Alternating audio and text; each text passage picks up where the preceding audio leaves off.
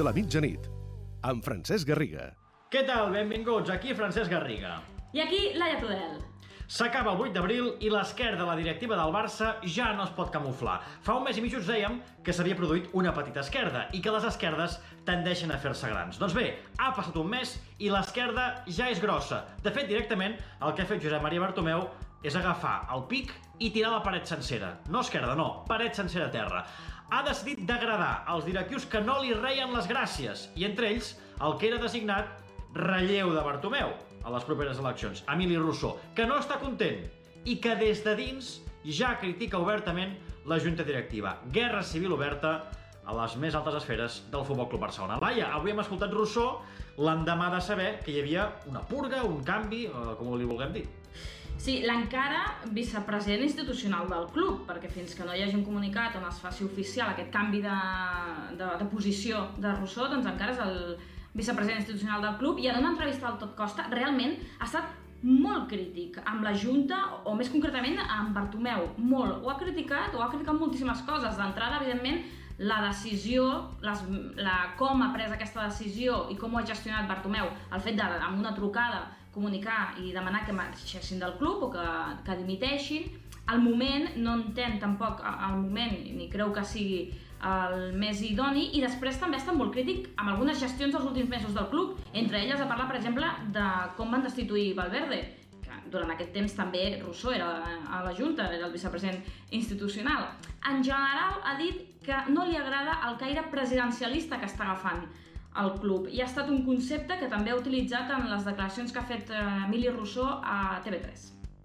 Hi ha una queixa general, penso jo, amb molts membres de la Junta, i és que hi ha una deriva molt presidencialista i jo crec que és una llàstima perquè es perd doncs, doncs la riquesa. Quan tens una junta, penso jo, amb, amb gent de prestigi, com poden ser l'Enric Tombas, el Silvio Elias o el mateix Josep Pont de Borges, home, doncs aquests quatre directius, que sembla ser que són els quatre directius que el, el president vol que no continuïn, quan tenim reptes econòmics importants, potser no sigui la decisió més encertada, eh, des del meu punt de vista. De moment no tinc intenció de dimitir. Hi ha un tema del que m'agradaria veure com acaba, que és aquest tema relacionat amb els informes d'auditoria del, del anomenat Barça Gate, va haver un debat entre diversos directius sobre la conveniència o no d'avançar eleccions. No és el mateix avançar unes eleccions que demanar al president que faci un pas al costat. Això no se li va demanar, eh?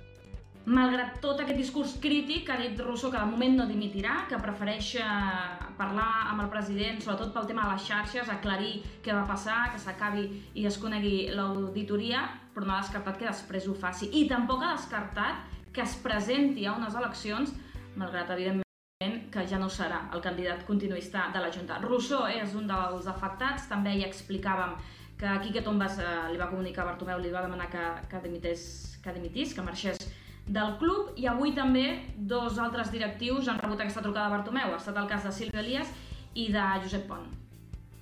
El Lluís Canut, que les avis de tots colors ens explica què li sembla opinió de Lluís Canut.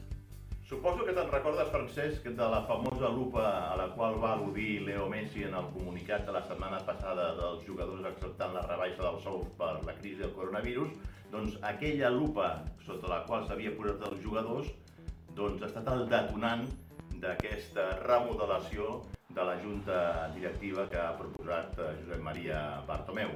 De fet, eh, Bartomeu està cansat de filtracions, aquestes que tant van molestar els jugadors que sortien des de la pròpia Junta i que qualsevol de les decisions que es pren en les reunions del Consell Directiu immediatament surtin de les parets de les oficines de Can Barça per anar a parar les redaccions dels mitjans de comunicació.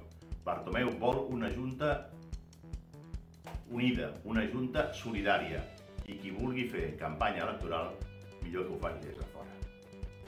El Barça embolic no seria una novetat i el Madrid, atenció, retallades. Finalment els jugadors de bàsquet i futbol accepten rebaixar-se el sou.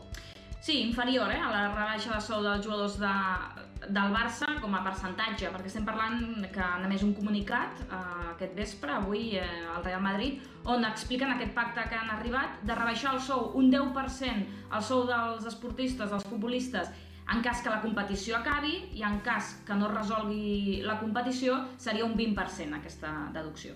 Per cert que el Madrid no farà ERTO pels seus treballadors, és només pels esportistes. En aquest sentit, atenció a la proposta curiosa que ens arriba avui de l'Associació d'Hotelers de les Canàries Mm. per intentar resoldre l'embolit de la Lliga.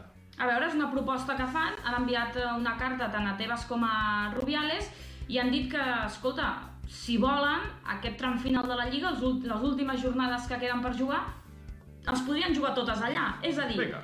que es desplacin cap allà tots els equips de primera i de segona, que es concentrin allà, que com que és una illa, el virus serà més fàcil de controlar, i allà estaran confinats, concentrats, entrenaments i partits, tots que, tot que es resolgui allà. Ah, és, és gairebé surrealista, però mai sabem, eh? Aquestes coses com poden acabar. No estaria malament anar-se'n uns dies a les Canàries Home. a veure com acaba, a com acaba la Lliga. Ah, el que sí que fem és veure molt els futbolistes a les xarxes aquests dies. Sí, a veure que, que és com estan portant aquest confinament, els veiem entrenar, però també, per exemple, Luis Suárez. L'Instagram de Luis Suárez. Mira què fa. Challenge, Què està el fent? challenge... Com es diu aquest ball? Um, oh, na, na, na, no? Sí, no es diu exacte. així? Sí, sí. doncs fa diu aquest ball, que crec que no l'has fet tu, i millor, No. de moment que no el facis, sí. No, mira, el fa amb la seva filla, i clar, dius, ostres, doncs veient com salta i com balla, vol dir que la recuperació del genoll li va molt bé. Per tant, bé, Suárez, Més, bé, més, estem contents. Braithwaite, té molt sentit de l'humor. Tu ho sabies? Eh, bé, ho he vist. Ho has vist, no? Mira, escoltem-lo una mica. I found out I'm a hell of a barber. Check this out. És un missatge que ell fa a, Sí, també a Instagram i on Mare explica que a casa, mira, m'he trobat buscant coses, sempre vas descobrint coses quan ets sol i estàs confinat, m'he trobat que tinc una bombolla al cap, al cabell. I el que ha fet és un rapar-se i deixar-se un trosset de cabell aquí al cap, un look que bé. bé, més? li agrada a ell.